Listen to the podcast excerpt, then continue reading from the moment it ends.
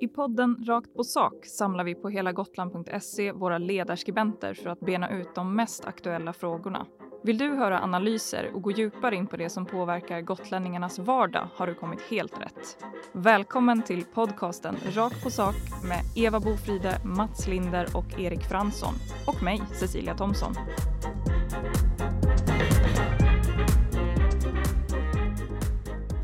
Varmt, varmt välkomna in i värmen här i poddrummet. Hur är läget med Eva, Erik och Mats? Det är bra, inga spindlar. Kanon. Jag är här. Jämna plågor. Eh, har det firats eh, valborg på något håll här? Inte direkt i ärlighetens namn. Det gick nog ganska spårlöst förbi i mitt fall. Jag var inte och besökte någon. Du har inte eldat upp något? Nej, nej. nej. Ja, jag håller mig undan jag också. Jag kommer inte ens ihåg vad jag gjorde för att jag åkt båt, men det var på lördagen. Så jag firade ju obviously något. Men, men eh, jag kommer inte ihåg vad jag gjorde. Och inget större festligare gäng här Nej, idag? Nej, Nej. det är för gamla. Sånt. AI, på tal om valborg, inte alls, men AI är ju på, på allas läppar får man väl ändå säga och eh, idag även på våra. Och eh, jag måste erkänna att jag tycker det här är ganska svårt att prata om, helt enkelt för att jag nog inte riktigt eh, fattar eh, vidden av det. Men någon som gör det är Jeffrey Hinton och han har jobbat för Google med det här de senaste tio åren. Eh, nu ska han gå i pension och i samband med det gav han flera intervjuer här i veckan där han berättade att han är livrädd för vad AI-utvecklingen ska leda till. Han ser bland annat risk för mördarrobotar eh, och det låter ju inte sådär jättehärligt. Eh, med det i bakhuvudet, hur känner ni för AI? Det finns risker med AI. Det, det kan bli en, en Pandoras ask där man liksom släpper ut eh, något. Och, det, och det, redan nu med de här ganska ointelligenta AI som vi har så finns det betydande risker. Um, och det fanns det för all del förut också med den här typen av um, robotar och datorprogram som man försökte göra för att, för att automatisera olika verksamheter som på med handel med börsen och värdepapper till exempel. När man för decennier sedan hade robotar som styrde handeln och när alla robotarna reagerade likadant på ungefär samma information så började alla sälja och marknaden störtdök. Liksom, för att det var ingen verklig intelligens inblandad. Eh, utan det, men det var ju människor som hade programmerat de här systemen som orsakade det här. Men om jag får fortsätta så, så, så AI nu, risker finns det ju redan. För en dryg månad sedan var det en man i Belgien som var väldigt oroad över klimatförändringarna sådär och av någon anledning har fått för sig att det var AI som skulle lösa det här. Sen började chatta med en bot på nätet. Och de där jamsar ju mest med nu, många av de här chattbottarna, vilket slutade med att eh, han blev mer och mindre undrade om han inte skulle ta livet av sig för klimatets skull och chattbotten höll med och, och han tog livet av sig. Ja, fruktansvärt.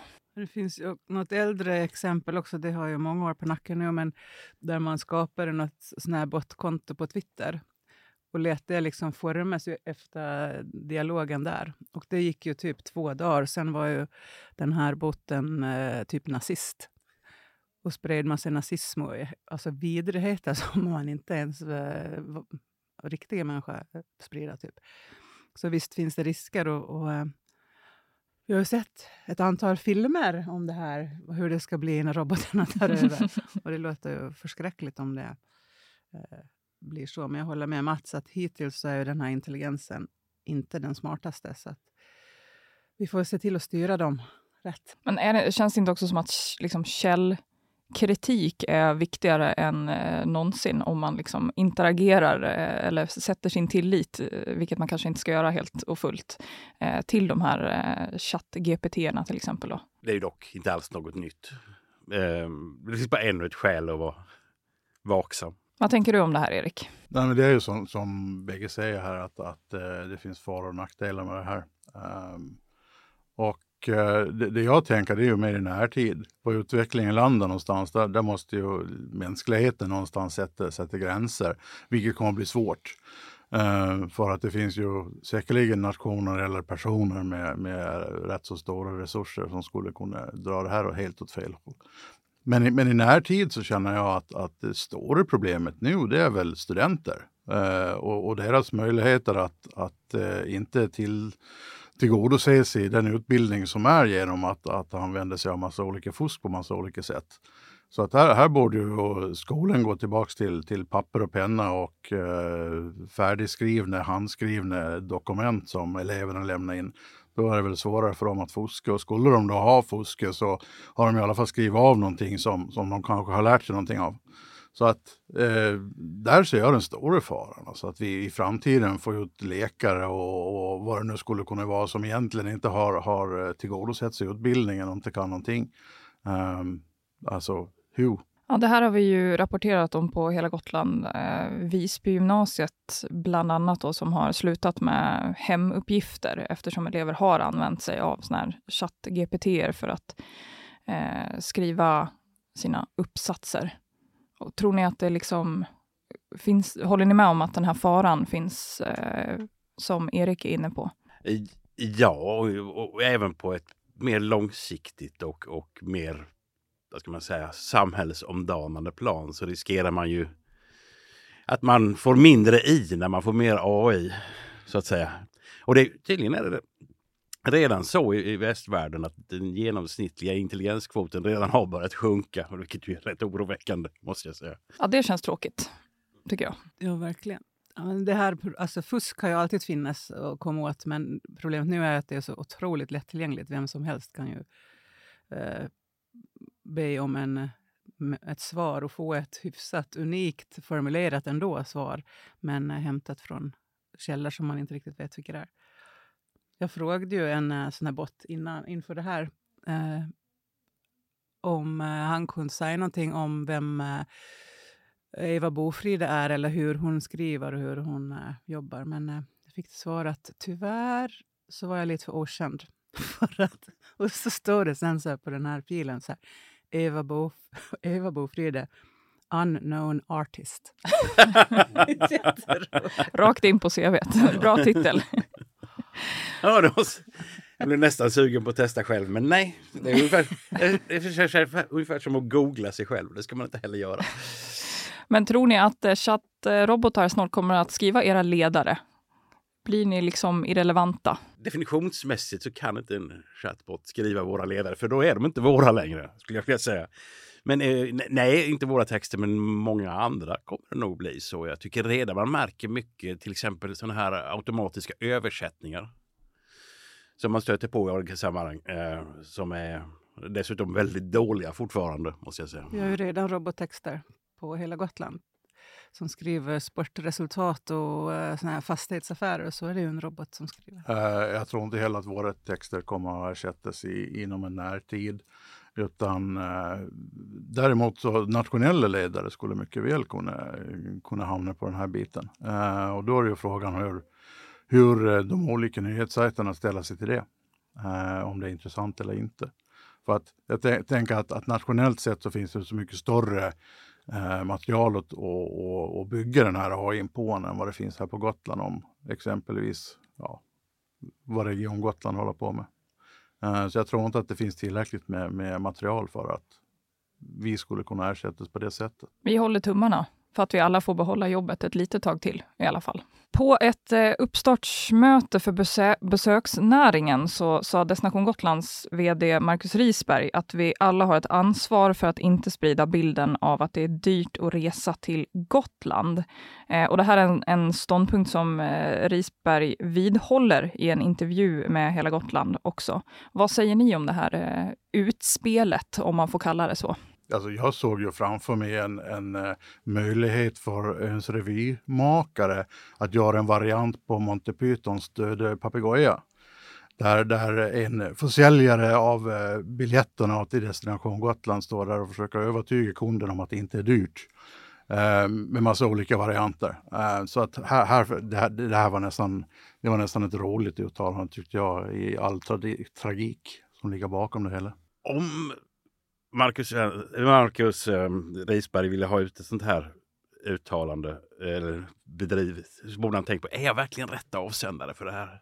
Finns det inte en viss risk för att det här möjligen kan slå tillbaka lite grann? Det, det borde han ha tänkt på innan. Han borde, om han hade tänkt en tanke så hade han nog insett att det var nog inte så klokt utan det motverkar nog mina egna syften. Uppenbarligen eftersom vi också gjorde en artikel om att vi inte fick prata om att det är dyrt. Eh, men regionstyrelsens ordförande har också kommenterat det här, eh, Meit Folin då. Eh, hon tycker inte att vi har ett ansvar för att eh, tona ner bilden av att det är dyrt att resa till Gotland. Eh, hon får i en artikel på Hela Gotland-frågan, finns det en risk att Gotland får en stämpel som dyrt att åka till? Och då säger hon, såklart att den risken finns, men det är inte en följd av hur vi pratar, utan en följd av prisutvecklingen. Håller ni med? Word.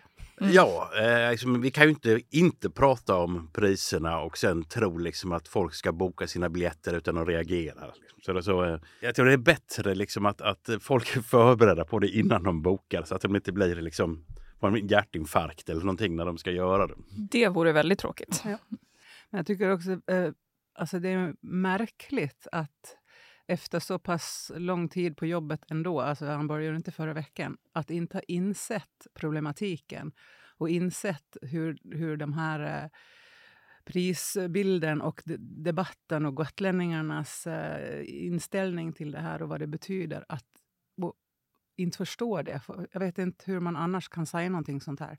Man kan ju tycka det och de kan för, klar- såklart vill de försöka att tona ner det, den allra hårdaste kritiken och föra fram att det finns alternativ. Det finns sånt som inte är svindyrt. Men då pratar man inte på det här viset. Det blev ju bara jättefel. Nej, men för exakt det menar ju Risberg, att vi skriver och pratar för lite om att det faktiskt går att hitta billiga biljetter på eh, de så kallade mindre attraktiva avgångarna. Ja, det där är ju intressant för att vi, vi gotlänningar vill ju inte åka på de mindre attraktiva tiderna ifall de inte råkar passa oss. För, för då tar vi ju gärna dem. Utan vi vill ju åka när vi behöver åka. Och då, då spelar ju priset stor roll. De här mindre attraktiva avgångarna, de, de ligger vid- på tillfällen då, då få av oss egentligen vill, vill vara på resande fot. Uh, så, så att det, det där är ju märkligt och det är någonting som eventuellt bara gynnar Eh, skulle gynna besöksnäringen eh, och, och Destination Gotland om man gick ut och proklamerade mer för de här eh, billigare, eh, billigare biljetterna. Men, men för det gotländska samhället så spelar de ju ingen större roll. Och det, det, är ju, det är ju där som gränsen har nåtts. Eh, där, där bägaren har fått den här droppen för mycket i och med de höjningarna som skett det senaste året. Och, och i den bemärkelsen så blir ju Risbergs uttalande komiskt. Kan vi ta upp, bara för sakens skull, eh, för övrigt anser jag att den här jävla... Aj, förlåt. Det är klart. för övrigt anser jag att den här ombokningsavgiften, nu är det dags att den åker bort. Alltså den är ju absurd, bara Utveckla. för sakens skull. Ja, nej, men Nej, men att vi ska behöva betala en avgift ifall vi kanske skulle vilja boka om eller boka av. Då är det bättre att vi betalar den avgiften när det blir aktuellt än att vi ska läggas på någon pr- smygprishöjning som det faktiskt är. För man kan inte välja bort den. Det, det går inte. Och då får man ju... Eh, ja, man kan... Punkt. Jag har i och för sig valt bort den. Jag, jag bokar aldrig biljett med ombokningsskyddet. Nej, det gör Men- inte jag heller. Ja. Men, men då får du ju inte tillbaka Men eh, det är också så att jag bokar mina färgbiljetter rätt tätt inpå jag ska åka vanligen. Eh, Eftersom jag, är, hundsalongen. eftersom jag inte är så bra på att planera. Men det blir väl kanske också en konsekvens då, att man bokar tätare inpå om, eh, om man då inte vill lägga till det här flexi-tillägget, heter det va? För Ja, att kunna precis. boka om eller av. Och det borde ju vara motsatsen till vad de vill, egentligen. Jag vet inte. Konstigt är det i alla fall. Men visst fanns det en tid då gotlänningar inte hade någon avgift för detta för inte allt för länge Ja, det är sedan? inte så länge sedan. Eh, Jag kommer inte ihåg exakt när det men det blev bara ett par år sedan tror jag som detta ändrades. Eller ja, jag ska säga så här, jag har en tumregel. Om det känns som två år sedan så var det förmodligen fyra. jag dubblar. Shout out till Marcus Risberg. Han kanske får ta in eh, någon eller några av er som konsulter. Ja. Jag dubblar allt. Och den här veckan är vi ju tillbaka med en liten veckans snackis också. Det är ju alltid trevligt tycker jag.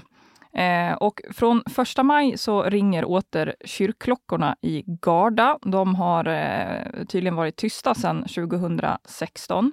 Eh, och det här eh, låter ju trevligt, kanske man tänker. Men det håller ju inte en av grannarna till kyrkan med om, som säger till P4 Gotland att det här är citat, helt ärligt ett onödigt ljud, slutcitat. Har ni valt sida liksom, i den här debatten? Grannens eller kyrkans? Äh, jag befinner mig på flera sidor här. Ska jag säga? Ehm, för det första tycker jag, är man i Sverige så befinner man sig liksom i ett kulturellt sammanhang där, där det rings i kyrkklockor. Och det, det får man nog acceptera. Och han visste väl var kyrkan låg när han bosatte sig där han gjorde. Ehm, men å andra sidan så har det ju... Är det, Kyrkklockorna har ju mer eller mindre automatiserats på många håll och det får ju då konsekvenser som i, i, i Lund. Eh, natten till nyårsafton i, i fjol där, där eh, kyrkklockorna drog igång flera timmar mitt i natten och det dröjde flera timmar innan liksom, någon upptäckte det här och kunde stoppa det. Jag menar de som bodde i närheten upptäckte det ju men, men själva kyrkans personal tog det tydligen tid för. Sen när jag kollade upp detta för, för, för att eh, friska upp minnet om det här så, så upptäckte jag att det har hänt på flera andra ställen runt om i landet. Liksom, att man har någon slags automatik som sköter kyrkklockorna och ibland drar de igång liksom, vid tider när de inte alls ska. Det. Då har det ju blivit en, en död tradition skulle jag vilja säga. Egentligen. Den är inte, det är inte någon som drar lite rep och det kanske man inte förväntar sig. Men det är inte ens någon som är där trycker på en knapp för att dra igång klockorna utan det är liksom programmerat. Det har väl hänt även på Gotland tror jag. Att det har dragit igång på så konstiga tider som man, folk har reagerat. Sen tror jag att det här, ens inställning till det här ändras ju längre avståndet är från en själv och den här kyrkklockan. Eller, det finns ju andra klockor också som pinglar med jämna mellanrum som man äh, skulle kanske bli lite mer avvågt inställd till om man bodde väldigt nära. Så där är ju äh, olika. Liksom. Ja, tydligen skulle de ju börja ringa klockan eh, 07, men eh, jag vet inte, det kan ha varit grannarnas förtjänst att nu börjar de eh, ringa först. 08 är första liksom, ringningen, men det här tyckte den här grannen var en klen tröst. Ja, men jag, jag kan ju förstå att den grannen blir lite irriterad när de här klockorna har varit eh, tysta ett antal år. För då blir det ju någonting nytt i sammanhanget. Hade, hade de ringt hela tiden eh, sen, eh, vad på att säga, kyrkan byggdes, men det var kanske att ta i. Men eh, alltså, i alla fall de senaste 20 åren, eh, stadigt vid, vid sju eller åtta, så tror jag inte någon hade reagerat på, på det på samma sätt. För då, då hade det liksom varit en, en, en av eh, en, en, kulturell bild som man hade av, av eh, Garda i det här fallet. Um, men, men det här är ju också en, en ren lagmässig fråga. Uh, här får ju någon gå, helt enkelt gå in och mäta. Var, var ligger ljudnivån? Vilka ljudnivåer får man lov att ha? Och på vilket sätt kan man då åtgärda de här ljudnivåerna ifall de eventuellt är för höga vid det här sammanhanget? Så att jag tycker absolut att man ska gå vidare och kolla upp det här. För att det är inte meningen att folk ska fara illa och få få sömnen eller, eller vardagen förstörd för att eh, klockorna ringer i närheten. När det gäller ljudmiljön så finns det ju andra som har ljud för sig som har en betydligt kortare tradition. Jag har till exempel inte förstått varför man eh, har bilar som åker runt och plingar irriterande melodier bara för att kunna sälja glass. Nej, den har retat upp en och annan, den, där, den bilen. Vi har också en eh, granne som, eh, på tal om nu ska vi prata ljud allmänt. Absolut. Så, ja, som har en eh, någon motorcykel av något slag som tydligen måste stå och så här blubb, blubb, blubb, blubb, blubb, blubb i en kvart innan han kan köra iväg. och det där, han åker ganska mycket fram och tillbaka. Jag vet inte, han har mycket att göra. Så där. Men det, det, är ett sånt här konstant ljud som... Jag är så här högsensitiv också, så jag kan ju inte stänga ute sånt. Liksom. Det borde också förbjudas i så fall, tycker jag.